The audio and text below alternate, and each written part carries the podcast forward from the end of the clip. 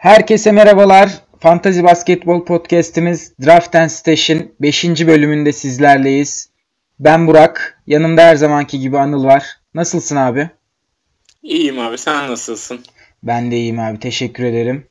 Bugün yine 5 takımla devam edeceğiz. Bu takımlar Miami, Minnesota, Milwaukee, New Orleans ve New York olacak. İstersen hiç zaman kaybetmeden Miami ile başlayalım. Başlayalım. Ee, Miami'de gözüne çarpan ilk oyuncu kim? Ee, Miami'de gözüme çarpan ilk oyuncu. Bu benim açımdan zor bir soru ama ben Josh Richardson'ı gözüme kestirdim. Ancak yine de Miami'nin fantazi açısından e, vaat ettiği şeylerin diğer takımlara göre biraz daha sınırlı olduğunu düşünenlerdenim. Ancak Josh Richardson burada e, en çok dakika alan oyuncuydu geçen sene zaten takımda da ve 81 maça çıktı. Yani bu Josh Richardson dışında güvenilir oyuncuların azlığını dakikasal bazda özellikle gözler önüne seriyor bence. Benim dikkatim Josh Richardson çekiyor. Özellikle 1'e yakın hatta neredeyse 1 olan blok ortalaması onun değerli bir pik olarak değerlendirilmesini sağlıyor. E, Josh Richardson dışında senin dikkatini çeken biri var mı? Veya Josh Richardson'a ne eklemek istersin? Josh Richardson'a ne eklemek isterim? Biz bu podcast'i konuştuktan sonra Josh Richardson Miami'de olmayabilir. Minnesota'da bulabiliriz kendisini. Miami ile Minnesota Butler takasında e, Butler takas istediğinden beri görüşme halindeler. O yüzden başka bir takımda da görebiliriz Josh Richardson'ı ama e, Minnesota'da da olsa da dakikalarının yine bu şekilde kalacağını belki artacağını hatta tam Thibodeau oyuncularını yüksek dakikalar oynatmayı seviyor. E, istatistiklerinin de bu seviyede olacağını düşünüyorum ki Josh Richardson bu yıl sayı ortalamasını 16'lara çıkarmayı planlıyordu. Hani kendi kariyerinin yükselişi açısından. Çıkartabilir mi? Pek emin değilim. Miami'de toplar eşit dağılıyor. Çok fazla şut kullanan oyuncular yani en fazla Dragic 14 şut kullanmış onu görüyoruz oynadığı zaman. Josh Richardson'ın da 11 şut kullandığını görüyoruz maç başı. Çok artmayacaktır bunlar diye düşünüyorum ama Josh Richardson oyunun üstüne bir tık daha ilave edecektir. 1.6 üçlük 1.5 top çalma ve 0.9 blok ortalaması yani money statlarda toplam 4'ü gören istatistikleri Josh Richardson'ı bir adım öne çıkartıyor. Ee, bu yılda geçen yıl yaptığı çıkışın ardından draftta 50. sıralarda görünüyor ki ben Josh Richardson'ın buralardan alınırsa e, yine oralarda e, kaliteli bir katkı vereceğini düşünüyorum. E, bir diğer isim Whiteside. Whiteside geçen yıl dakikalarını 25'e düşürmüştü. Daha doğrusu koç Whiteside'ın dakikalarını 25'e düşürmüştü.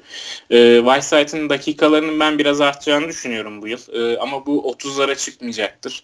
24 20, pardon 26-27 dakikalara çıkacaktır Whiteside'ın dakikaları. Çünkü e, NBA'in gittiği noktada 4 numaraların sık sık 5 numara oynadığı, kısa 5'lerin çok fazla konuşulmaya başladığı, 3 tane guard'ın sahada bulunduğu anlarda e, Whiteside'ı sahada tutmak kolay değil. Çünkü çoğu NBA takımı artık pick and roll'ları kolayca cezalandırabiliyor ve Whiteside e, dışarı çıktığında pick and roll'da switch geldiği zaman gardı tutma konusunda sıkıntılar yaşayabilecek bir oyuncu. O yüzden sahada kalması çok uzun süreler mümkün değil ama geçen yıl 25 dakikada baktığım kadarıyla top 40 bitirmiş Whiteside geçen yıl. Hani çok yukarılardan seçildiği için Whiteside geçen yıl top 40 bitirmesi tabii ki hayal kırıklığı ama bu yıl e, 70. sırada görünüyor. Bu yıl. 70. sırada görünüyor bu yıl. Bu çok düşük bir rakam Whiteside için. E, bu yıl ben top 50'lerde yine kesinlikle katkı vereceğini düşünüyorum Whiteside'ın.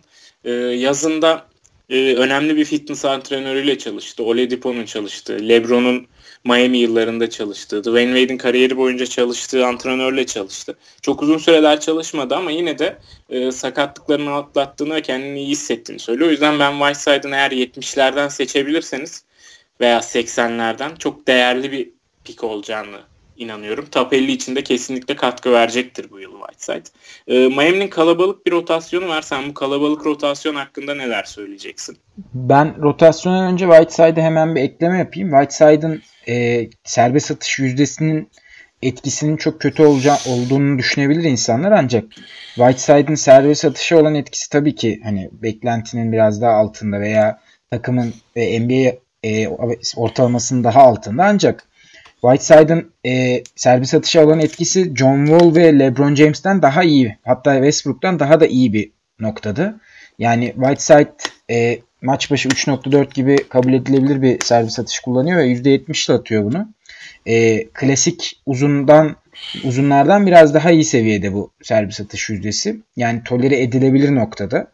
Ancak senin de söylediğin gibi 70. sıra bence de Whiteside için çok geride bir sıra. Bunun e, Whiteside'ın kendini bir anda yukarı atıp 20 sıra birden yükselecek bir performansla bitirmesi, devam etmesi benim de e, ihtimal dahilinde bulundurduğum bir nokta.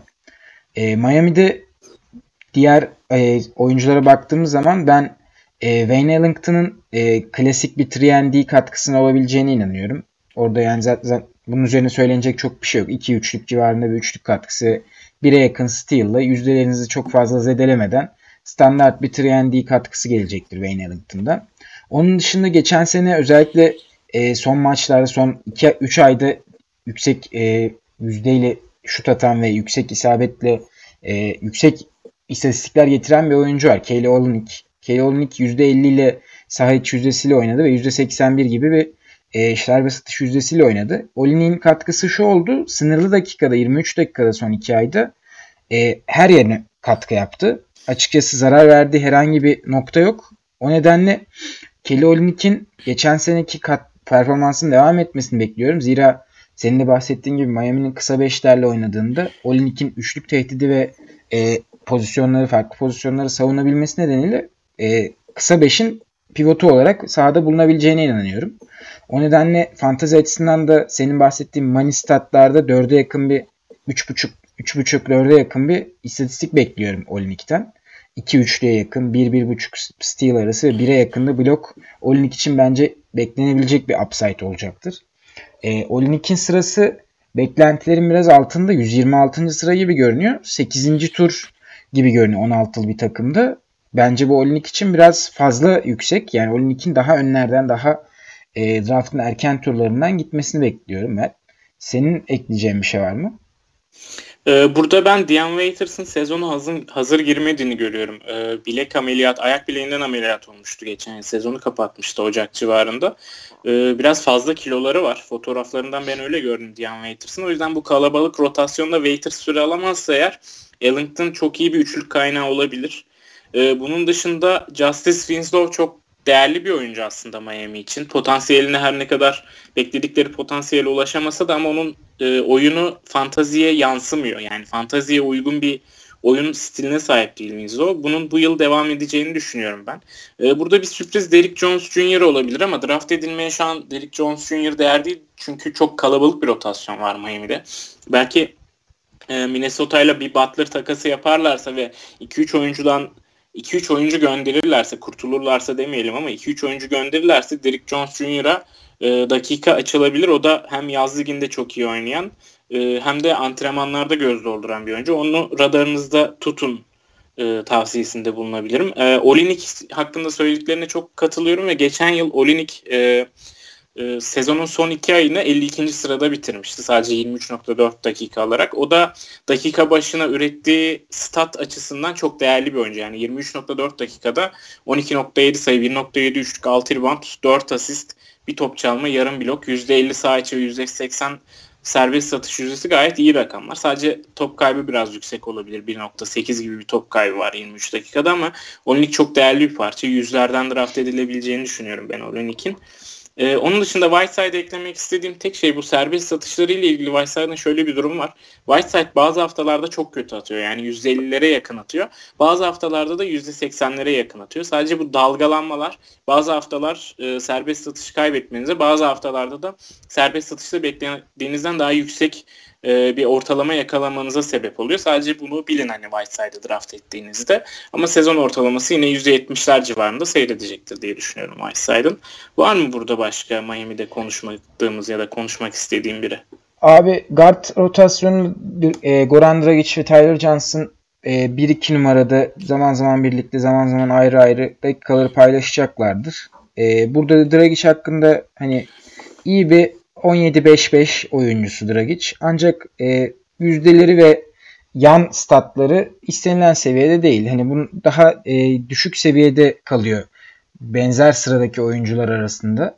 O nedenle Dragic'i ben çok e, göz önünde bulundurmuyorum. Pek beğenmiyorum yani fantazi açısından. Sadece 64. sırada biraz daha upside yüksek olan oyunculara yönelmekte fayda olabileceğine inanıyorum. Onun dışında Tyler Johnson'da bahsettiğimiz 3 katkısını verebilir. Zaman zaman pozisyon dışı blokları var. Ama geçen sene birazcık ben draft etmeme rağmen hayal kırıklığına uğramıştım. Tyler Johnson benim çok e, beklediğim performansı vermedi.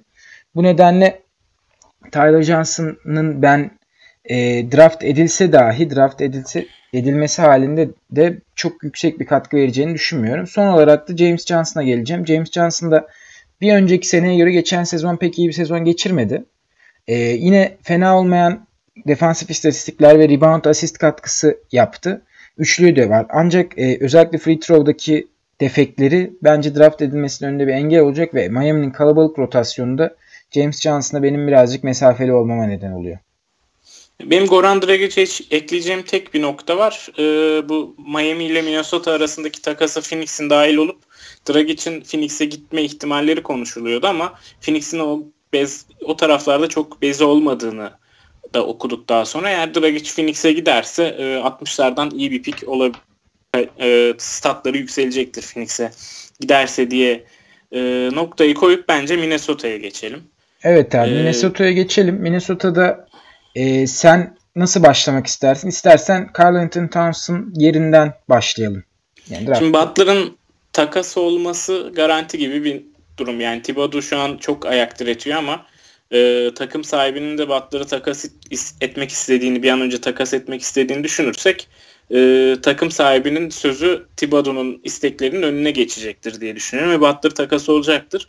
E, bu noktada da Butler gibi hem şu an takas değeri düşük hem de kontratının son yılında olan bir oyuncudan e, alacakları geri dönüş yani alacakları o geri dönüşte alacakları hani rotasyona dahil olabilecek bir oyuncu olsa dahi e, Butler seviyesinde bir usage rate olmayacaktır bu oyuncunun. O yüzden Carl Anthony Towns bu yıl e, ilk üçten seçilmesi gerektiği ve hatta kesinlikle ilk üçün dışına çıkmaması gereken bir oyuncu olarak görüyorum draftta. Ee, Carl Anthony Towns daha NBA kariyerinde maç kaçırmadı yüksek dakikalar oynamasına rağmen. Ee, o yüzden de bence Carl Anthony Towns hani bir numara bile seçmek için bir sebebiniz olabilir Carl Anthony Towns'ı. Çünkü e, Harden'a baktığınız zaman fantasy playoff'ları geldiğinde Houston Harden'ı dinlendirme kararı alabilir. Bir iki maç kaçırabilir Harden. Ee, Anthony Davis'in sakatlık sorunları var ama Carl Anthony Towns oldukça e, maç kaçırmayan bir oyuncu. Tabii Minnesota'nın da bu yıl playoff yapmasının çok zor olduğunu düşünürsek Towns'un da son bir iki maçta oynamayabilme ihtimali yüksek ama Davis ve Harden'dan daha fazla maça çıkacaktır diye düşünüyorum sezon boyunca. O yüzden Carl Anthony Towns'u da e, listenizin başında draftın ilk üç sırasında kesinlikle düşünmelisiniz e, bence. Senin Towns'la ilgili ekleyeceğin bir şey var mı? E, Towns'a ek olarak ben yani söylenecek çok bir şey olduğunu düşünmüyorum. Dediğin gibi ilk 3 olması lazım. Hani 4'e kalması da belki yani Antetokounmpo'da ya da Harden'da daha farklı bir yapılanma görüp onun üzerine e, bir yatırım yapmak isteyenler de belki bir sıra sektirebilir ama e, 4'ün dışına çıkmasının ben büyük bir sürpriz olacağını düşünüyorum.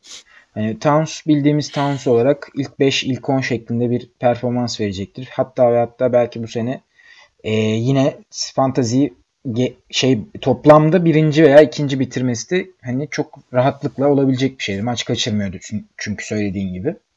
E, Minnesota'da benim ekleyeceğim bir diğer oyuncu ben Andrew Wiggins'in bu sene e, Butler'ın da gitmesinin ardından gidecek olmasının ardından geçtiğimiz sezonlara oranla daha iyi bir sezon geçirmesini bekliyorum. Bunun da e, Andrew Wiggins'in özellikle sayı ve e, rebound ve steal ortalamalarında yüksek bir katkı vermesini bekliyorum. Geçtiğimiz sezonu e, Wiggins çok kötü bir sırada kapattı e, sıralama açısından ancak bunun ben gösterge olacağını düşünmüyorum bu sezona. Baktığımda 160'larda kapatmış. Evet 159. sıra olarak görünüyor Andrew Wiggins. Ben e, Andrew Wiggins'in 159. sıraya göre çok değerli bir oyuncu olabileceğini düşünüyorum. Size e, zarar vereceği nokta free throw'ları olacaktır ama free throw'ları ben Andrew Wiggins'in geçen senenin küçük bir e, geçiş sezonu, küçük bir e, hata olduğunu düşünüyorum. Anomali şeklinde olduğunu düşünüyorum. Bunun devam edeceğini pek ihtimal vermiyorum. Zira önceki yıllarda %76 ile düzenli olarak servis atış atmış ve maç kaçırmamış bir oyuncuydu Wiggins. Yine maç kaçırmasının biraz düşük bir ihtimal olduğunu düşünüyor ve e, özellikle yüzdelerinin geçtiğimiz sezon oranla daha iyi olmasını bekliyorum. Bu nedenle Wiggins'in draft edilebilir ve değerli oyun, bir oyuncu olabileceğine inanıyorum. Ve Wiggins'in e, 81. sırada görünüyor yani ortalama draft sırası. Bu geçtiğimiz birkaç haftada daha gerideydi. 81'in Wiggins için alınabilir bir risk olduğunu düşünüyorum 81-80-90 arasının. O nedenle Wiggins benim radarımda olacak burada. Ee, bir diğer dikkatimi çeken oyuncu da Jeff Teague'di. Jeff Teague'in e, iyi olduğu ve kötü olduğu yerler o kadar birbirinden ayrılmış ki bu oyuncunun hani değeri e, çok ortalama standart bir point guard noktasına kadar düşmüş. E, 7 asist değerli olabilir. Hele Jim Butler gittikten sonra daha da değerli olabilir. Ancak ben Jeff Teague'in e, upside'ının da sınırlı olmasından ötürü ve yaşının da ilerlemiş olmasından ötürü e, ilk 50 içerisinde bir performans vereceğini beklemiyorum. Bu nedenle ben Jeff Teague'in asist takımı kuruyorsam değerli olacağını onun dışında diğer istatistiklerin pek değer teşkil etmediğini düşünüyorum. Sen ne der söylemek istersin? Valla ben de bunlara katılıyorum söylediklerine ama ben Wiggins'in 80'lerde değil de daha gerilerde draft edilirse içimin daha rahat olacağını düşünüyorum. Çünkü e, benim son günlerde okuduğum yazılarda Wiggins'in gelişime çok kapalı olduğundan bahsediliyordu. E, ben de biraz bu yorumlara katılmaya başladım açıkçası gördüğüm örneklerden sonra. Hani Wiggins'in oyunu geliştirmesi konusundaki potansiyelin çok sınırlı olduğundan bahsediliyordu. Hani kolejdeki o e, NBA'yi değiştirecek oyuncu olarak gelen havasından hiç eser yok Wiggins'in NBA'deki 3 yıllık kariyerinde şu ana kadar. O yüzden ben Wiggins'ten biraz soğumuş durumdayım açıkçası ama yüzlerde bulursam yine alırım. Çünkü Wiggins geçen yıl %64 olan serbest satış yüzdesini geri %75-80 civarına çekecektir. Zaten yazın serbest satışlarına da çalışmış. Şu serbest satış stilini de birazcık değiştirmiş. Wiggins'e ekleyebileceğim bu var. Onun dışında benim e, gözüme çarpan oyuncu Tyus Jones. Tyus Jones e, yazın yönetimle görüşüp eğer rolünü ve dakikalarını arttırmayacaklarsa takas edilmek istediğini söylemiş ama Tim, Tab- Tim Thibodeau Tom Thibodeau da varmış bu görüşmede ve rolünü ve dakikalarını arttıracağını söylemişler Tyus Jones'a ve Jones takas isteğinden vazgeçmiş ama Phoenix'in e, radarındaki oyunculardan biri de Tyus Jones e, ilk 5 oyun kurucu pozisyonu için ve Tyus Jones geçen yıl e, Teague yokken gerçekten çok iyi oynamıştı. Yani 2-3 haftalığına kadroma katmıştım Tyus, Tyus Jones ve harika oynamıştı. E, e, programa başlamadan önce bu o 2-3 haftalık periyotta neler yaptığına bakmayı unuttum ama sana sözü verdiğimde o periyoda tekrar bir bakıp e, dinleyicilerimize aktaracağım. O yüzden Tyus Jones bence draftın son sırasında e, stash olarak takımınıza katabileceğiniz oyuncu. Yani Tyus Jones'u draft edin ve, ve bakalım edin. sezon ve stash edin yani. Bakalım sezon neler getirecek Tyus Jones için. Belki Butler takaslandıktan sonra Minnesota'daki rolü artar. Belki Phoenix gibi bir takıma takaslanırsa top 75 içinde katkı vermesi çok olası bir hale gelebilir. Ee, senin var mı burada eklemek istediğin Minnesota'da? Butler mesela Benim, nereye gider? E, Butler için Miami konuşuluyor. Miami Butler'ın e, tercih edilebil edebileceği bir e, yer mi? Bundan emin değilim. Yani şöyle emin değilim. Jim Butler e, Miami dışında kendi istediği takımı kurmaya daha özgür bir halde gitmiş olacak. Clippers, Brooklyn, e, New York gibi bir takımda kendi istediği oyuncularla birlikte daha iyi bir takımda olabilir diye düşünüyorum ama e, Miami aset olarak değerli olduğu için Butler'a yanaşıyor ve Butler'da e, Minnesota'dan gideyim de nereye gidersem gideyim diye düşündüğü için herhalde e, Miami'yi de bu listeye ekledi. E, Butler'ın ben ilk 20 dışında bir performans vermesinin çok büyük bir sürpriz olacağını düşünüyorum. Gittiği yerde de Minnesota'da düzenli oynadığında da ilk 20'nin dışına çıkacak bir oyun oynamayacaktır Butler. Dakikaları geçtiğimiz sezonlar kadar 38 seviyesinde değil ama 34-35 gibi. Yani Butler'ın değerini zedelemeyecek şekilde azalacaktır. Ve yani Butler açısından söylenecek tek şey e, takas olması umarım draftınızdan önce olur ve buna göre bir e, yol haritası çizersiniz ama takas belirsizliği draft yaptığınız sırada hala varsa bu tamamen e, yazı tura atmaya benziyor bence. Minnesota'nın Butler'ı tutup Butler'ı beklenen top 20 kategori top 20 noktasında fantazi şeyi e, istatistiği vermeyecek şekilde oynatması da bir ihtimal dahilinde. E, bu biraz risk teşkil ediyor benim açımdan ama Yani normal şartlar altında Butler'ın top 20 dışında bir performans vermesi mümkün değil bence. Burada dikkatimi çeken bir oyuncu e, Tom Thibodeau'nun prensi Luol Deng. Luol Deng'i e, ikinci turdan mutlaka draft edip bu oyuncunun muhteşem istatistikleriyle birlikte eğlenmenize bakın derim. Luol Deng harika bir oyuncu. Tom Thibodeau boşuna aldırmadı takımına. Butler'ı da neden göndermek istediği belli. Çünkü Luol Deng'in önünü kapatıyor, önünü tıkıyor. Minnesota'ya e, hayırlı uğurlu olmasını diliyorum. Ben bu sene Carl Anthony Towns dışında Minnesota'nın e, güzel bir sezon geçirmesini beklemiyorum son olaylar neticesinde. Burada senin söylediğin Tyus Jones'a ve Tyus Jones'a ve Çaylak Keita Bates Diop'a dikkat edilebilir diye düşünüyorum. Wiggins'in de e, biraz riske girmek isteyenler için güzel bir risk olabileceğini düşünüyorum. E, Tyus Jones'un Jeff Teague'in oynamadığı 4 maçlık haftada yani bir haftada 4 maçlık periyotta yaklaşık 38 dakikada 11 sayı, 1.8 üçlük, 4.5 rebound, 6.5 asist, 4 top çalma, 0.5 blok, %53 sağ içi isabeti ve %60 serbest satış isabetiyle 38 dakikada bir top kaybıyla oynadığı bir hafta vardı e, geçen yıl. Bunu Jeff Teague maç kaçırdığında bir kere daha tekrarladı sezon içinde. E, o yüzden Tyus Jones eğer iyi bir takıma git yani ilk 5 başlayacağı bir takıma giderse gerçekten çok iyi katkılar verecektir ki o bir haftalık süreçte ilk 15'te görünüyor Tyus Jones.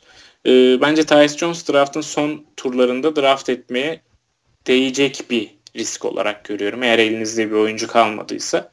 E, alabilirsiniz. Hemen katkı vermeyecektir Tyus Jones ama e, beklemenizde yarar var diye düşünüyorum Tyus Jones'u. E, var mı burada Minnesota'da konuşmadığımız biri? Sadece ben heh, Butler'a bir ek yapmak istiyorum.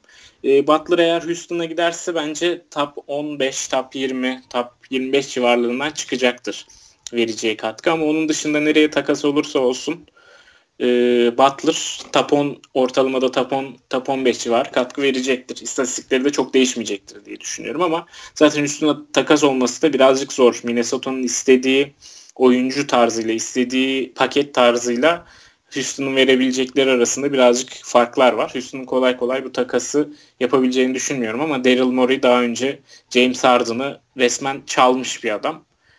Oklahoma'nın elinden. Burada da Butler'ı Minnesota'nın elinden çalabilir belki diye düşünüyorum. Morey kafasına koyduysa yapabilecek bu takası gerçekleştirebilecek, şapkadan tavşan çıkarabilecek GM'lerden biri. Ee, var mı eklemek istediğim bir şey?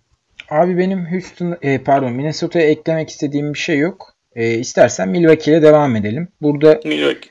bir diğer e, ilk 5 fantazi oyuncusundan birisi Yanis Antetokounmpo var. E, Yanis'in bu sene biraz daha iyi bir performans beklemesi benim için ihtimal dahilinde. Zira e, Antetokounmpo bu sene biraz daha kas eklemiş, vücuduna biraz daha kütle eklemiş ve e, antrenmanlardan gelen yorumlar, e, bu hazırlık kamplarından gelen yorumlar bu senenin Antetokounmpo açısından yine bir beast bir sezon olacağı yönünde. Yani yine ilginç, çılgın şeyler yapmasını bekliyoruz Greek Freak'ten. Nedenle Anteto'nun henüz 23-24 yaşında bir, bir oyuncu olduğunu da düşündüğümüz zaman e, bu sene Anteto'nun senesidir şeklinde bir görüşüm var benim. Anteto'nun bu sene onun senesi olmasının en önemli Sebebi de gerçekten her alana katkı yapıyor olması ve bunları e, o kadar iyi seviyede, o kadar yüksek hacimde yapıyor ki e, ilk 5'in dışına çıkmasının ben yine çok büyük bir sürpriz olacağına inananlardanım. Burada Anteto'nun e, 27, 10, 5, 1.5, 1.5 ve hatta 1'e yakın üçlük gibi gerçekten ilk turdan beklediğiniz her şeyi yapacak bir istatistik vermesi bence yani çok rahatlıkla olabilecek bir şey. Burada 8.5 serbest atış atması ve %75 ile atması birazcık değerini e, birinci, ikinci sıranın altına düşüren bir sebep. E, bunu da eğer özellikle free throw'u göz ardı edecek bir takım kurabilirseniz, kuruyorsanız veya bunun yanında Antetokounmpo ile birlikte muhteşem free throw atan oyuncular e, alabiliyorsanız bu şekilde bir takımla Antetokounmpo'nun değerinin normalin de ötesinde olacağını düşünüyorum ben. E, Antetokounmpo'nun yanı sıra takımın ikinci oyuncusu, fantazide de ikinci oyuncusu Chris Middleton'ın ben oldukça değerli ve verimli bir parça olduğuna inanıyorum. Chris Middleton e, ikinci turlarında, draftların ikinci turlarında e, mutlaka alınabilecek değerde ve e, stabilitede olduğunu inananlardanım. Çünkü Chris Middleton kolay kolay maç kaçırmayan bir oyuncu. Chris Middleton e, yüzdelerde sizi üzmeyecek bir oyuncu ve sahanın her alanına savunma istatistikleri de olsun, e, hücum istatistikleri de olsun her alanına katkı yapan bir oyuncu. Chris Middleton e, maç kaçırmıyor dedim ama bir önceki sene e, sakatlığı nedeniyle 29 maç oynayabildi ama ondan önceki sene 79 maç oynadı. Yani e, büyük bir sakatlık olmadığı sürece Chris Middleton sahada kalıyor ve sahada oynuyor. E, ben bir önceki seneki sakatlığın şanssızlık olduğuna inanıyorum. Onun dışında Chris Middleton'ın düzenli bir sezon geçireceğini ve yüzdelerinin özellikle oldukça etkileyici olacağına inanıyorum. Bunun yanı sıra pozisyon dışı blok katkısında 0-3-0-4 gibi e, yine de hani kabul edilebilir düzeyde evet ve yapıyor blok da yapıyor arada diyebileceğimiz noktada olduğuna inanıyorum. Ben Middleton'dan çok umutluyum bu sene. E, Middleton benim Milwaukee'de Yannis'i bir kenara bırakırsak en çok dikkat edeceğim oyuncu olacak. Sen neler eklemek istersin? Benim bu yıl Milwaukee'den istediğim oyuncu yani eğer tabii Antetokounmpo'yu herkes takımında ister ama benim bu yıl istediğim oyuncu Bledsoe. E, Bledsoe geçen yıl takaslandıktan sonra biraz zor zamanlar geçirmişti adapte olma konusunda ama e, geçen yılın son iki ayında top 15 katkı verdiğini görüyoruz Bledsoe'nun. Yaklaşık 33 dakikada 19 sayı, 2 üçlük, 4.3 rebound, 6.1 asist, 1.4 1.9 top çalma, 0.6 blok, %51.3 sağ isabeti ve %83 serbest atış isabetiyle. Tabii bu %51 biraz e, abartılmış bir rakam. Yani fonda olduğu bir döneme denk gelmiş Bledsoe'nun. Bütün sezonu böyle geçirmeyecektir ama ben bu yıl Bledsoe'nun top 30 içinde bitirebileceğini düşünüyorum. Özellikle yeni koçları Mike Budenholzer'ın e, hücumda yapacağı ufak eklemelerle takımın daha verimli olacağını düşünüyorum bu yıl. O yüzden ben Bledsoe'yu görmek isterdim bu yıl Milwaukee'den ka- kadromda. E, onun dışında benim bahsetmek istediğim bir diğer isim e, Malcolm Brogdon. Brogdon e, 23 yaşında da NBA'ye hazır olarak gelip o yılında Rookie of the Year olmayı başarmış bir oyuncu. Ee, aslında hani çok parlamayan, çok göze çarp, çarpmayan e, yılın çayla ödüllerinden birini almıştı Brogdon ama bence değerli bir parça. Ee, geçen yıla baktığımda da Brogdon'ın e, yalnızca 48 maç oynayabildiğini görüyorum sakatlıklar yüzünden ama e, umuyorum ki bu yıl sakatlıkları geride bırakmıştır. Yazı sağlıklı geçirdi. E, Brogdon'un da ilk 5 çıkacağını düşünüyorum ben Milwaukee'de. 2 numarayı Brogdon'a emanet edeceklerdir ve yaklaşık 30 dakikada 13 sayı, 1.5 üçlük, 3 rebound, 3 asist, 1 top çalma ve %46, %47 civarı yüksek yüzdeyle katkı verebileceğini düşünüyorum Brogdon'un. Şu an e, rankingde baktığım kadarıyla 108. sırada görünüyor e, Brogdon. E, bence oralardan draft edilmeye değer bir oyuncudur Brogdon top 80, top 85 katkısı verecektir ve düzenli verecektir bu katkıyı. Ee, hani benim oradan draft edeceğim oyuncu da sürpriz yaşamayayım diyorsanız ama bunun karşılığında da tabii e, tavanının çok yüksek olmamasıyla karşı karşıya kalacaksınız ama sürpriz yaşamamak istiyorsanız bence Brogdon oradan yapılabilecek piklerden bir, bir tanesi. Ee, var mı senin başka değinmek istediğin? Brook Lopez'i konuşmadık. Brook Lopez hakkında neler düşünüyorsun bu yıl? Neler ben, yapar? Brogdon'a hemen bir ekleme yapayım. E, Poor Man's CJ McCollum Brogdon. E, istatistik seti açısından. Onu ben de sana katılıyorum bu arada. Yani risksiz ve e, yüzdeler açısından da zarar vermeyecek iyi bir pik olabileceğine inananlardanım. E, Brook Lopez hakkında Brook Lopez'in bir e, yükselen bir hype'ı var. Bunun en büyük sebebi de NBA'in geldiği nokta.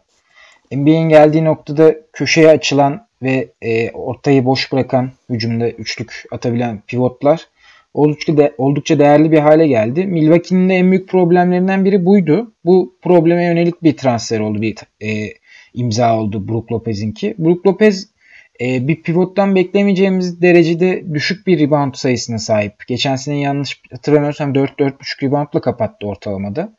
E, ancak 1.5 blok ve 1.5 üçlük kolay kolay bir arada bulamayacağımız iki set bu iki e, statı aynı oyuncudan aldığınız zaman oyuncunun değeri biraz daha artıyor doğal olarak. E, Brook Lopez'i ben önceden e, hype nedeniyle çok böyle önemsemeyen, beğenmeyen biriydim ama Brook Lopez'i biraz da bu açıdan düşündüğüm zaman e, draft'ın ilk yüze yakın taraflarından yani 80, 70, 80 bu civarlardan e, iyi bir steal olabileceğini düşünüyorum. Yani Lopez'in ilk 50 bitirmesinin çok zor olmayabileceğine inananlardım. Tabi bu biraz da Milwaukee'nin Lopez'i savunmada ne kadar e, kullanabileceğiyle alakalı. Biliyorsunuz Brook Lopez 2.20'ye yakın bir boyu var neredeyse ve e, kolay kolay 1-5 pick and roll'unu veya başka türlü bir pick and roll'u savunabilecek bir oyuncu değil. İyi bir rim protector ancak e, savunma defekleri hala hazırda devam eden bir oyuncu. Geçtiğimiz sezon Lakers'ta 108. sırada bitirdi 23 dakika ortalamayla. E, ancak eğer ihtiyacınız şey ihtiyacınız olan şey blok ve üçlüyü bir arada bulmaksa Brook Lopez doğru bir seçim olacaktır. E, ben biraz daha mesafeliyim hala ama e, birçok katıldığım mock draft'ta, birçok okuduğum yazıda bu Brook Lopez hype'ının bir al, başını alıp gittiğini görüyorum. Sen ne düşünüyorsun? Ben de Brook Lopez'in ilk elde bitirebileceğini düşünüyorum. Özellikle dakikaları artarsa. E, Lopez geçen yıl Lakers e, Clarkson ve Nance takasladıktan sonra dakikalarını arttırmıştı. Yaklaşık sezonun son iki ayını 27 dakika oynayarak geçirdi ve e, yaklaşık 15 sayı, 1.6 üçlük, 4.1 rebound, 2 asist, e, 0.5 stil ve 1.3 blokla oynadı bu son iki ayda. Ben yine bir buçuk üçlük bir buçuk bloğun e, erişilebilir bir istatistik olduğunu düşünüyorum Brook Lopez'le ilgili ki e, pivot pozisyonuna baktığımızda Tom Maker ve John Hansen var Brook Lopez'in arkasında. Ben bu yıl Milwaukee'nin e, Doğu'nun tepesine hedefledikleri bir sezonda Maker ve Hansen'ın alacakları sürelerin daha kısıtlı olup daha çok Brook Lopez'i oynatabileceklerini düşünüyorum. Yani 28-30 dakikalar alabilir Brook Lopez.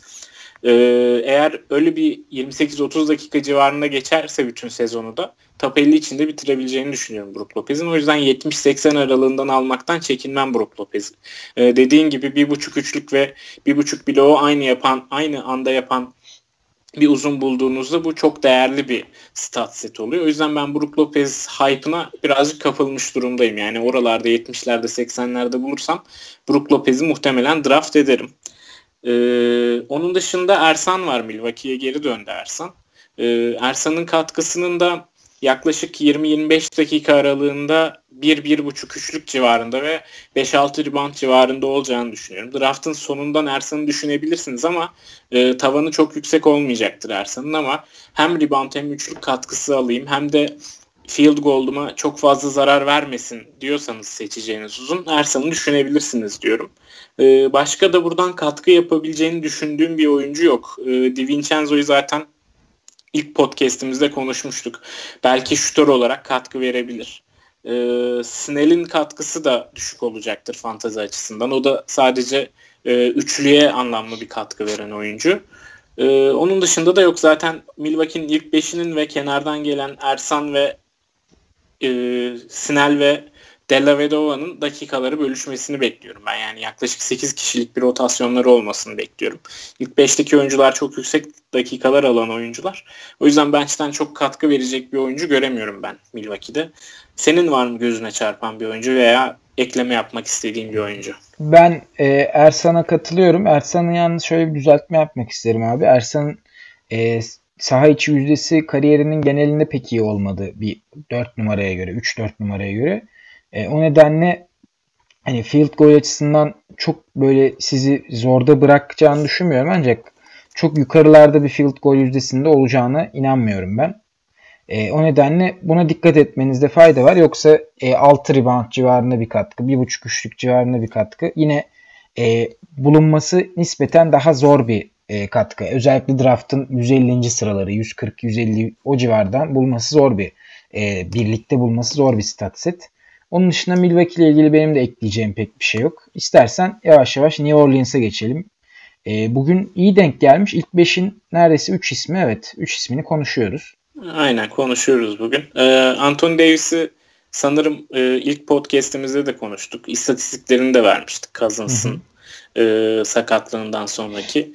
E, bir daha vermek ister misin o haşmetli istatistikleri yoksa e, yani ne kadar değerli olduğundan 40 maçta 2 steal, 3 blok, 30 sayı, 12 rebound gibi hani saçma sapan şeyler var. Ben üzerinde çok fazla konuşmayalım derim. Yoksa birinci sıraydan seçemediğim için üzülmeye başlıyorum ben. Üzerinde yani çok gerçi, konuşulacak bir durum değil abi bence bu ya. Bence de değil. Yani bir dışında gitmemesi gerekiyor Anthony Davis. Ee, onun dışında Davis'le ilgili söyleyebileceğimiz yani sakatlık sorunlarını ben atlattığını düşünüyorum. Çok fazla maç kaçırmıyor artık. Ufak tefek sakatlıklar sürekli yaşıyor ama bunlar maç kaçırmasına sebep olan sakatlıklar olmuyor genelde. Playoff yapabilmeleri için de Davis'in sahada olması lazım. Davis'i e, sakatlık sorunundan çekinmeden bence bir numaradan kesinlikle draft etmelisiniz. E, New Orleans'ta benim gözüme çarpan ikinci isim Drew Holiday. E, Drew Holiday'i bence bu yaz sen benden daha çok gözüne kestirdin. O yüzden bence Drew Holiday hakkında senden alalım yorumları. Abi Drew Holiday e, özellikle eşiyle ilgili olan problemden sonra NBA'ye dönüp dönemeyeceği veya NBA'ye ne derece konsantre olup olamayacağı büyük bir soru işareti olan bir oyuncuydu. E, ama geçtiğimiz sezon 81 maça çıktı ve bu 81 maçta e, sahaya koyduğu sayılar gerçekten büyüleyici benim açımdan.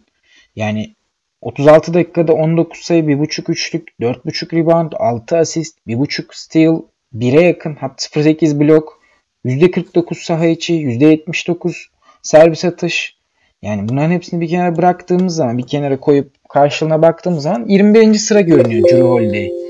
Ben beklemediğim bir şeydi bu Drew Holiday'den ama e, bunu bir sezonda yapıyor olması da benim bunu yememe sebep oldu açıkçası. Ben hani bu şeyi istatistiğin karşılığını almayı isterim. E, ikinci turda dediğim gibi Chris Middleton ve Drew Holiday benim gözüme kestirdiğim bir ikili. E, Tabi ilk turdan kimi seçeceğime göre ikisini de almama ihtimalim olabilir veya ikisinden birinin daha öne çıkma ihtimali olabilir. Ancak bu iki oyuncunun da birbirine yakın ve benzer istatistikleri ve birbirlerine yakın olarak yüzdelerinin çok değerli olması e, iki oyuncunun da ben ikinci turdan güzel bir e, pair olabileceğini düşünüyorum. İkinci, birinci tura ek olarak iyi bir ikinci oyuncu olacağını düşünüyorum.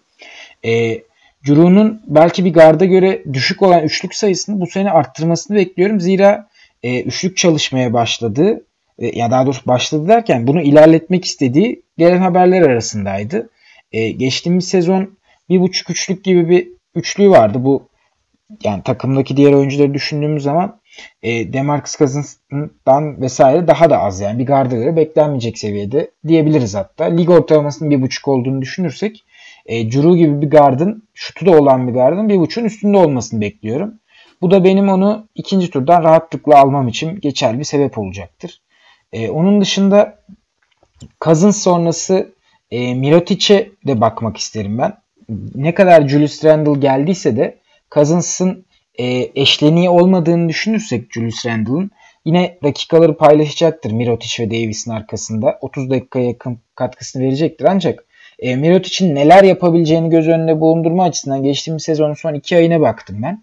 E, 14.7 sayı, 2.3 üçlük, 8 rebound, 1 steal, 1 blok, %85 servis atış, %43 e, şut isabetiyle oynamış Mirotic ve 38. sırada görünüyor yer bulmuşken iki, son 2 aylık periyotta.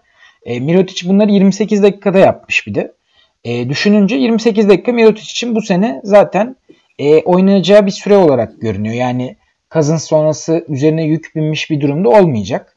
O nedenle Mirotic'in ben e, iyi bir draft gününde iyi bir e, oyuncu olacağına inanıyorum. Ve e, money özellikle 2.5 üçlü ve 1'e yakın steal ve blow ile 4.5'a yakın toplamda bir katkı vermesinin çok e, olası olduğuna inananlardanım. Geçtiğim sene de 27 dakikayı oynamış. Bu sene de 27-28 dakikayı oynamasının ben e, garanti olduğunu düşünüyorum. Ben de Mirotic konusunda sana tamamen katılıyorum. Benim de favori oyuncularımdan biri oldu Mirotic geçen sezonun geçen sezonun başından itibaren yani iyi bir performans ortaya koymaya başladığından itibaren e, rankingde 66. sırada görünüyor Mirotic. Buradan almaya kesinlikle değer bir risk olduğunu düşünüyorum. E, çünkü buradan al, seçtiğiniz oyuncunun top 40 oynama ihtimali yüksek bu yıl yine. Dakika başına da verdiği stat yüksek olan bir oyuncu. Sadece 28 dakikada yapmış bu söylediklerimizi. E, dakikaları çok artmayacaktır bu yıl ama 28 dakikada te- bu istatistikleri tekrar edebilir Mirotic bu sene. Ee, onun dışında benim değinmek istediğim e, oyuncular Alfred Payton ve e, Julius Randle. E, benim çok fazla tercih etmediğim oyuncular bu iki oyuncu ama e, New Orleans geçen yılın başından itibaren NBA'de en yüksek hızla oynayan takım. Yani e, dakika başına en çok possession üreten takım. E, şutları en hızlı kullanan takımların başında geliyor. E, Alfred Payton'a da bu durum yarayabilecektir diye düşünüyorum ama Alfred Payton geçen yılın son iki ayını yine çok yüksek hızda oynayan Phoenix'te geçirdi. Ve oradaki istatistikleri e, aslında fena olmamasına rağmen yüksek top kaybı ve düşük serbest atış yüzdesi sebebiyle e, fantazi renklerinde 250'ler civarındaydı son iki ayda. Alfred Payton ama onun dışında baktığımız zaman e, yaklaşık 29 dakikada 11.5 sayı, 0.3 üçlük, 5.2 rebound, 6.1 asist ve 1.1 top çalma gibi istatistiklerle oynuyor. E, bence bu istatistikler yukarı çıkacaktır New, Orleans, New Orleans'ta bu yıl. Ki üçlük de çalışıyormuş Alfred Payton bu sezon. E, sanırım günde 3 şut antrenmanı gerçekleştirmiş yazın. E, bu oldukça yüksek bir rakam ve çalıştığına e, dair izlenimler veriyor bize Alfred Payton. E, kontrat da tek sezonluk. Yani iyi bir kontrat istiyorsa çalışmak zorunda Alfred Payton. O sebeple eğer bu üçlük sayısını 1'e çıkarıp e, serbest satış yüzdesini de %75'lere çıkarırsa Alfred Payton'ın ben bu yıl dakika alıp 28 civarında dakika alıp iyi katkılar verebileceğini düşünüyorum. O yüzden Alfred draft ederken Alfred Payton da e, bir noktada gözü, gözünüzde yani hani atıyorum yüzlerden sonra e, aklınızdaki asist hedefleriniz, asist veren oyuncu hedefleriniz gittiği zaman yüzlerden sonra 120'ler civarında bence Alfred Payton'ı bu yıl düşünebilirsiniz fikrindeyim. E, Julius Randle ise benim çok tercih etmediğim bir oyuncu. Çünkü e, üçlük ve blok atmayan bir oyuncu. Yani uzunlardan üçlük katkısı ve blok katkısı aldığınızda ne kadar değerli olduğunu hep konuşuyoruz. Ama Julius Randle hem üçlük atmayan, çok fazla üçlük atmayan, gerçi geçen yılda 0.1 üçlükle kapatmış, hiç üçlük atmayan ve maç başına da yarım blok, yani 0.5 blok yapan bir oyuncu. Yüksek top kaybıyla da oynadı geçen yıl Lakers'ta. Bu sorumlulukların azalmasıyla biraz düşecektir diye düşünüyorum bu yıl New Orleans'ta ama e, eğer Randle'ı 16 sayısı 8 reboundu ve 2.5-3 asistli için alıyorsanız ve yüksek sağ içi yüzdesi için alıyorsanız bir şey diyemem ama benim ım, draftlarda asla tercih etmeyeceğim bir oyuncu Julius Randle. Sen neler düşünüyorsun Randle'ın bu yılki potansiyeli hakkında?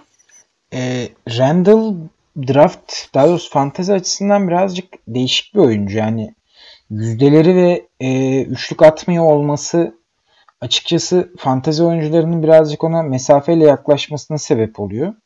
E, yüzdeleri derken e, yüzdelerinin dengesiz olması. Yoksa overall bir yüzdesinde e, Julius Randle'ın %55 ile %56 ile şut attığını görüyoruz ama free throw'da %71 attığını ve zaman zaman Randle'ın bir e, şut bocalama dönemine girdiğini görüyoruz. Randle'daki en önemli e, eksiklerden biri yan istatistiklerde sınırlı olması. Açıkçası 16 sayı 8 rebound %55 şut isabeti ve yanındaki özellikle defansif istatistiklerin oldukça sınırlı olması, oldukça problemli olması problem.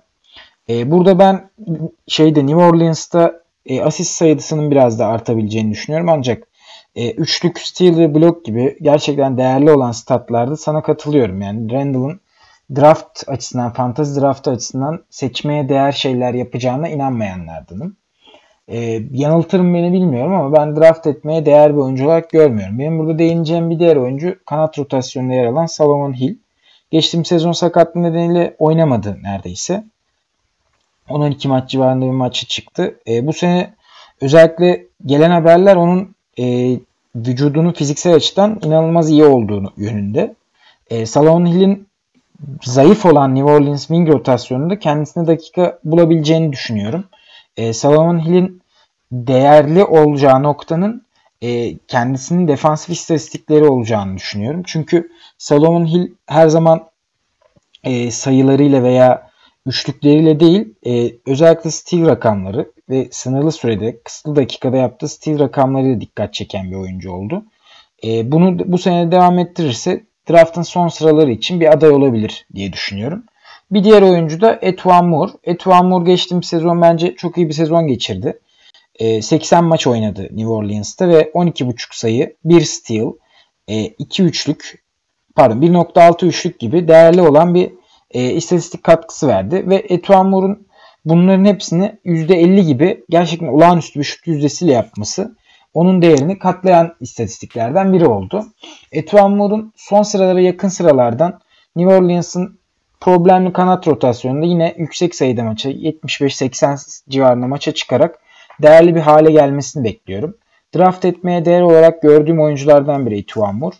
E, ve New Orleans'ın da ihtiyacı olan bir oyuncu. Zira takımda şut atabilen oyuncu sayısının mümkün olunca fazla olması gerekiyor ve Mirotic ve e, Giroux'dan sonra Etuan Moore iyi bir wing oyuncusu olabilir ve draft etmeye de değer bir oyun oynayabilir, oynayacaktır diye de düşünüyorum.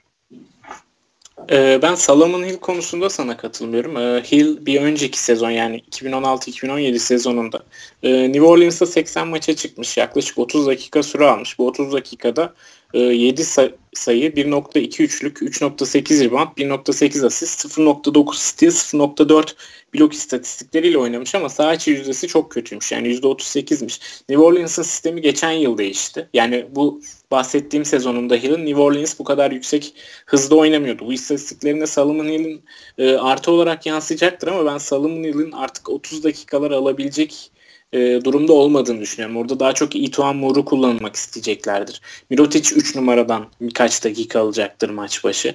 E, Drew Holiday, Alfred Payton gibi oyuncular da var. Salım, e, Darius Miller de var. E, daha iyi bir şutör Salomon Hill'den. Daha keskin bir şutör. O yüzden ben Salomon Hill'i draft etmeye değer olmayacağına yani e, sezonun herhangi bir noktasında fantazi katkısı verebilecek durumda olmayacağını düşünüyorum. 30 dakikalar Salomon Hill için bu yıl alması zor dakikalar olacaktır. Onun dışında New Orleans'ta eklemek istediğimi düşünüyorum. Hmm, Cahlil Okafor hype'ına hala kapılmış durumdaysanız hala Okafor'dan bir umudunuz varsa deneyebilirsiniz. Okafor da bu yıl e, LeBron'un, Wade'in, Oladipo'nun, John Wall'un e, antrenörüyle çalıştı. E, vücudunu gerçekten çok iyi geliştirdi Cahlil Okafor ama e, o da artık şutu olmayan bir uzun ve şutu olmayan uzunun NBA'de tutunmasının ne kadar zor olduğunu biliyoruz hepimiz. Bütün pivotlar bu yaz üçlük çalıştığını açıklıyor. Bütün pivotlar bu yaz bu yıl üçlük denemeye başlayacaklarını söylüyorlar. E, Cahil Okafor'dan o yönde bir açıklama gelmedi ve e, şutu da yok Cahil Okafor'un. O yüzden özellikle Randall, Mirotic ve Davis'in olduğu rotasyonda Okafor dakika bulmakta zorlanacaktır ama kendine yatırım yaptığını söyleyebiliriz. Belki bu üçlüden biri maç kaçırdığı zaman Okafor rotasyona dahil olabilir diye düşünüyorum. E, bir de Chick Diallo var. E, Chick Diallo da potansiyelli bir oyuncu ama yine bu üçlü Davis, Mirotic, Randall bütün dakikaları alacaktır New Orleans'ta. O yüzden Chick Diallo da ancak bir sakatlık durumunda rotasyona dahil olabilir. E, Calil Okafor'la da e, rotasyona dahil olmak için bir yarış içine gireceklerdir. Diallo'yu ben daha favori olarak görüyorum bu yarış içinde ama o da dakika alması zor oyunculardan biri ama bir sakatlık gelirse gözünüz Diallo'nun üstünde olabilir diye düşünüyorum. Var mı burada e, New Orleans'ta ekleme yapacağımız bir oyuncu? Burada ekleyeceğim bir oyuncu yok abi. Ee, New York'a geçebiliriz istersen. New York'a geçelim. Tam bir sik, tam bir panayır, tam bir cümbüş New York bu yıl kimin kaç dakika alacağı belli değil. Geçen yıldan çok formda gelen oyuncular var. Bu yıl takıma yeni katılan genç oyuncular var. New York acaba bu yıl Porzingis dönü, döndüğü zaman playoff kovalayabiliriz diye düşünüyor mu? Ya da Porzingis dönene kadar çoktan havlu atmış olacaklar mı? Ee, veteranları, veteran sayılabilecek oyuncuları ne kadar oynatacaklar? Sen New York'un genel tavrı hakkında ne düşünüyorsun bu sezon? Ben New York'un genel tavrı hakkında e, her zamanki gibi e, başlayalım kervan yolda düzülür mantığıyla devam edeceğini düşünüyorum. Bir gidelim bakalım. Biraz hype'la birkaç galibiyet alıp ulan playoff yapar mıyız şeklinde düşünüp ondan sonra kadronun çok kötü olduğunun anlaşılması üzerine playoff yapamayız biz deyip Kevin Knox, Mitchell Robinson gibi oyuncuları süre vererek sezonu kapatacağını düşünüyorum. Daha fazla süre vererek sezonu kapatacağını düşünüyorum. Burada sana soruyu şöyle sorayım ben. Sence 4 numarada Kevin Knox mı başlayacak, Noah Vonleh mi başlayacak? Bence Kevin, yani New York'tan gelen açıklamalar hani Kevin Knox'ın ilk 5 başlaması için ona bütün fırsatları vereceğiz hazırlık kampında şeklindeydi ki Kevin Knox, Kevin Knox yaz liginin belki de en çok öne çıkan oyuncularından oyuncularından biriydi ama Kevin Knox'ı öne çıkaran e, faktör yaz liginde onun hücumda yaptığı katkılardı. Yani Kevin Knox'ın gibi bir forvetin kolları uzun, boyu uzun bir forvetten daha çok top çalma ve blok katkısı istiyorsunuz. Ama Kevin Knox onları şu an çok yapamayan bir oyuncu ama ben Kevin Knox'ın bu yıl 14-15 civarında sayı, e, 6-7 civarında rebound ve e, 1.5 ile 2 arasında üçlük bulabileceğini düşünüyorum Kevin Knox'ın eğer ilk 5 başlayıp 30 civarı dakikalar alırsa ki ben New York'un e, sezon ilerledikçe Knox'ın dakikalarını da arttırabileceğini düşünüyorum. Knox'a yatırım yapacaklardır diye düşünüyorum ki Porzingis'in bu sezon hiç oynamama ihtimali de konuşuluyor. E, Butler takasında da olaya dahil olmadılar. E, genç oyuncularımızı ve e, gelecek sezonki draft picklerimizi takaslamayacağız şeklinde açıklamalar geldi e, front ofisinden New York'un. E, bu sebeple ben bu yıl gençlere yatırım yapacaklarını, gençleri oynatacaklarını düşünüyorum. E, benim de 3 numarayla ilgili bir sorun var sana. E, bu yıl Mario Hezonya'yı mı orada başlamasını favori görüyorsun, Courtney Lee'nin mi? Ben Hezonya'nın başlamasını favori görüyorum ve Hezonya'nın New York açısından gerçekten değerli bir oyuncu olacağına inanıyorum. Yani New York'ta parlayabileceğini düşünüyorum. Özellikle de Porzingis'in olmadığı dönemde hücumu sırtlayan ve aynı zamanda bir enerji oyuncusu olarak e, Hezonya'nın bu çılgın tavırlarını biliyoruz zaten. E, bir patlama yılı bekliyorum. Bu patlama yılı tabii ki 30 sayı, 7 rebound, 8 asist gibi böyle uçuk kaçık bir şey değil ancak Hezonya'dan o beklenen atanın bu sene gelebileceğini düşünüyorum ben. E, geçtiğimiz sezon özellikle Orlando'da Aaron Gordon yokken ilginç maçlar oynamıştı. İlginç performanslar vermişti. 22 e, dakikada 10 sayı, 3 rebound, 1 üçlük, 1 asist, 1 steal gibi aslında dakika başına üretim açısından çok değerli statlar vermişti. New York'ta da benzer şekilde oynayabileceğini düşünüyorum ben. Ee, özellikle New York'un sayı atmakta zorluk yaşayacağı noktalarda veya e, hücum plan planlarında zorluk yaşayacağı noktalarda öne çıkacağına inananlardanım. Zira Kevin Knox'un NBA'ye henüz yeni adım atması, e, ve Enes Kanter'in e, özellikle e, sınırlı hücum opsiyonlarının olması Hezonya ve Tim Hardaway Jr.'ın üzerine hücumda büyük yük bindirecek diye düşünüyorum ben. E, Hezonya da bu yükü bence rahatlık, rahatlıkla karşılayabilecek birisi. O nedenle Hezonya'nın ben oynamasını bekliyorum. Courtney Lee'nin de bu senenin e, sonuna kadar ben takas olmasının oldukça yüksek ihtimal olduğunu düşünenlerdenim. E, Courtney Lee'nin New York gibi bir takımdansa bir contender'da yer alabileceğine inanıyorum ben. Sen ne de ne söylemek istersin? Burada Courtney Lee'deki tek sıkıntı herhalde kontratının son sezonunda olmaması. Yani bir, evet. bu sezon ve gelecek sezon kontratı var Courtney Lee'nin. 12-13 milyon civarı iki sezonda da. Ee, o yüzden bir, bir tık zor olabilir Courtney Lee'yi takaslamak ama e, sez, e, takas deadline'ı geldiği zaman NBA'de e, contenderlardan ihtiyacı olduğunu düşündüğü, Courtney Lee'yi eklediği zaman e, şampiyonluğa bir adım daha yaklaşabileceğini düşünen bir contender Courtney Lee'yi kadroya kat- katabilir. Ben de mantıklı olanın Lee'yi takaslamak olduğuna inanıyorum e, New York açısından ama takaslayamama ihtimallerinin de e, bir miktar olduğunu düşünüyorum. E, onun dışında e, e, bu yıl New York'un rotasyonuna baktığımda Trey Burke'ün, Frank Nilikina'nın, e, Emmanuel Mudiay'ın, Tim Hardaway Jr.'ın, Courtney Lee'nin, Hezonya'nın, e, Lance Thomas'ın, Kevin Knox'ın, Noah Vonley'in, Enes'in ve Mitchell Robinson'ın ben dakika alacağını düşünüyorum. E, burada benim en çok öne çıkarmak istediğim oyuncu Mitchell Robinson. Harika bir yaz ligi geçirdi. E, kolejde oynamadan NBA'ye geldiği için ikinci tura kalmıştı Mitchell Robinson'ın seçilmesi ve e, o yüzden 36. sıradan Mitchell Robinson'ı seçebildi New York. E, burada geçen yıl e, Porzingis sakatlandıktan sonra son iki aylık periyotta e, New York'un Kyle O'Quinn'e yaklaşık 21 dakika süre verdiğini görüyorum. Bu 21 dakikada Kyle O'Quinn 8.4 sayı, 0.2 üçlük, 7.2 rebound, 2.3 asist, 0.5 top çalma ve 1.8 blokla oynamış. E, bu 21 dakikayı ben bu yıl Mitchell Robinson'a verebileceklerini düşünüyorum sezon boyunca. Hatta Robinson'ın dakikaları sezonun ilerle, sezon ilerledikçe artacaktır da. E, Robinson'da yaklaşık 9-10 sayı, 7-8 rebound ve 1.5-2 blokla oynayabilir sezon boyunca ve tabii ki yüksek saha içi yüzdeleriyle oynayabilir. O yüzden ben Mitchell Robinson'ın özellikle e, blok specialist olarak e, draftın son sıralarında kesinlikle draft edilmeye değer olduğunu düşünüyorum. Hatta Mitchell Robinson hakkında daha iyi düşünceleriniz varsa biraz daha yukarılardan seçip e, bu piyangoyu tutturma e, kafasıyla diyelim piyango tutturma kafasıyla hareket edebilirsiniz. Ee, onun dışında New York'ta benim gözüme Trey Burke çarpıyor. Trey Burke şöyle bir açıklamada bulunmuş yazın. Ee, dakikalarım bu yıl artacağını bildiğim için e, yazı kondisyonumu geliştirmek için çalıştım ve üçlük atma, daha fazla üçlük e, isabeti bulmak için çalıştım şeklinde açıklamaları olmuş. O sebeple Trey Burke'un ben yine 30 dakikalar civarı alabileceğini düşünüyorum. E, geçen yılda dakika aldığında Trey Burke e, muazzam işler yapmış. Yani beklenmeyecek işler yapmıştı Trey Burke.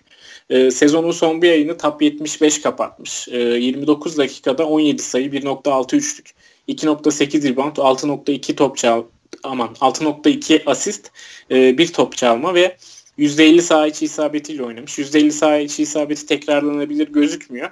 Ama e, diğer istatistikleri tekrarlanabilir gözüküyor Burke için. Onu da son turlarda eğer e, guard açığınız varsa asist arıyorsanız tercih edebilirsiniz diye e, ekleyip sözü sana bırakayım. Sen New York'un diğer oyuncuları hakkında neler düşünüyorsun? Abi ben Tim Hardaway Jr.'ın geçtiğimiz sezon 19 sayı ortalamasıyla bitirdiğini görüyorum ve bunun bu sezon 20'nin üzerine çıkabileceğine inanıyorum. Belki pardon 17.5 sayı ortalamasıyla bitirdi. Ben 20 civarına çıkabileceğini düşünüyorum. Ve bunun e, 3'e yakın üçlükle desteklediği zaman e, Tim Hardaway Jr.'ın bu senenin draftında gerçekten iyi bir skor katkısı verebilecek oyunculardan biri olduğuna inanıyorum. Bu yüzdeler noktasında saha içi isabet yüzdesi Hardaway Junior'ın her zaman tabii ki problematik olmuştur ve bunun devam etmesi yine olası. Ancak skor ve üçlük katkısı arayan bir takımda aynı zamanda yine tabii ki steal'da bekleyen bir takımda Tim Hardaway Junior'ın değerli olabileceğine inanıyorum ben. Burada dikkatimi çeken bir diğer oyuncu Enes. Enes'in 15 sayı 10 rebound standart bir katkısı olacağını düşünüyorum. Hatta ve hatta ben biraz ileri giderek Enes'in bu sene Doğu'nun e, kötü front court oyuncuları nedeniyle All Star'a kadar çıkabileceğini düşünüyorum. Bu da demek oluyor ki All Star'ın ülkemizde yayınlanmama riski var. ee, All Star, evet, bu yıl All Star. All Stars kalabiliriz bu sefer. Ee, ancak fantezi açısından e, Enes'in 0.5 steal, 0.5 bloğunda katlanabiliyorsanız draft etmeye değer olduğunu düşünüyorum. Draft etmeye değerinde e, ilk 5 turdan 6. tura sarkmadan draft edilebileceğine inananlardanım. Ee, özellikle de iyi bir block steal katkısı veren başka bir oyuncunuz varsa diğer turlardan Enes'in bu defansif istatistiklerdeki zaafını kapatabilirsiniz. Zira Enes'in defansif istatistikler ve üçlük dışında herhangi bir zaafı görünmüyor. %60'a yakın serbest, %60'a yakın saha içi, %85'te serbest atış yüzdesi var. Bunların çok değerli iki yüzde olduğuna inanıyorum. Her pivot gibi Enes de bu yaz üçlük çalışmış. E, maç başına da bir iki tane deney, deneyeceğini söylüyor eğer koç izin verirse. Hı hı. E, yarım üçlük gelir mi Enes'ten maç başı? Ben birazcık e, olası olmadığını düşünüyorum ama çünkü baktığımda e, son 7 sezonda toplam 32 tane üçlük atmış Enes. Sezon başı ortalamasının yani 5 olduğunu düşünürsek bunu da bir sezonda maç başına vurursak 0.5 değil de 0.05 daha gerçekçi bir sayı oldu sanki. O zaman New York'ta var mı eklemek istediğin, konuşmak istediğin bir isim? Joakim Noah var ama onu gönderecekler. Joakim Noah var gönderilir. Ee, New York'tur burası. Noah Vonleh'e ben dikkat edilmesi gerektiğini düşünüyorum. Noah Vonleh'nin e, bir türlü patlamayı, o patlamayı yapamadığını ancak bunun New York için e, bunun bir şans olduğunu, Vonleh için de bir şans olduğunu düşünüyorum. Zira New York sever bu tip oyuncuları. Vonne'de New York'un gazı ve hype'ıyla değişik e, sayılar, bir maç 5 steal, 4 blok gibi hani akıl almaz işler yapabilir. Ancak bunlar maçlık olacağı için doğru zamanda denk getirebilmek lazım. Sadece radarınızda bulunsun diyorum Noah Vonne. Burada gençlerin önündeki en büyük engel de bence Lance Thomas. Ee, New York koçu geldiği zaman Lance Thomas bizim Draymond Green'imiz olacak demişti. Talihsiz Draymond Green'in sol bacağı olabilir mi? Emin değilim Thomas ama e, New York'ta defansif olarak Fizdale e, defansif kültür yerleştirmek için yani savunma yapma kültürü yerleştirmek için e, ilk adımı bu olacaktır bence New York'ta. New York bir değişim içine giriyor bence. Senelerdir o e, yıldızlara yatırım yapan, gençlerin gelişimini önemsemeyen takımdan e, gençlere gelişmesi için zaman verip e, takımda da bir kültür oluşturmaya çalışan bir camiaya e, yöneliyor New York. Lance Thomas o yüzden bence dakika alacaktır. Bu da e, New York için belki iyi olabilir ama fantezi açısından bu sezon New York gençlerin önündeki en büyük engel diye düşünüyorum. Benim söylemek istediğim başka bir şey yok New York'la ilgili. Ee, senin de ekleyeceğin bir şey yoksa programı kapatabiliriz. Evet abi benim de pek söyleyeceğim bir şey yok. Bugün de 5 takım konuştuk. Önümüzdeki bölümde Oklahoma, Orlando, Philadelphia, Phoenix ve Portland'ı konuşmayı hedefliyoruz. Bugünlük bu kadar diyelim. Ekleyeceğimiz daha fazla bir şey yok. Biz dinlediğiniz, dinlediğiniz için teşekkür ederiz. Önümüzdeki programda görüşmek üzere. Hoşçakalın. Hoşçakalın.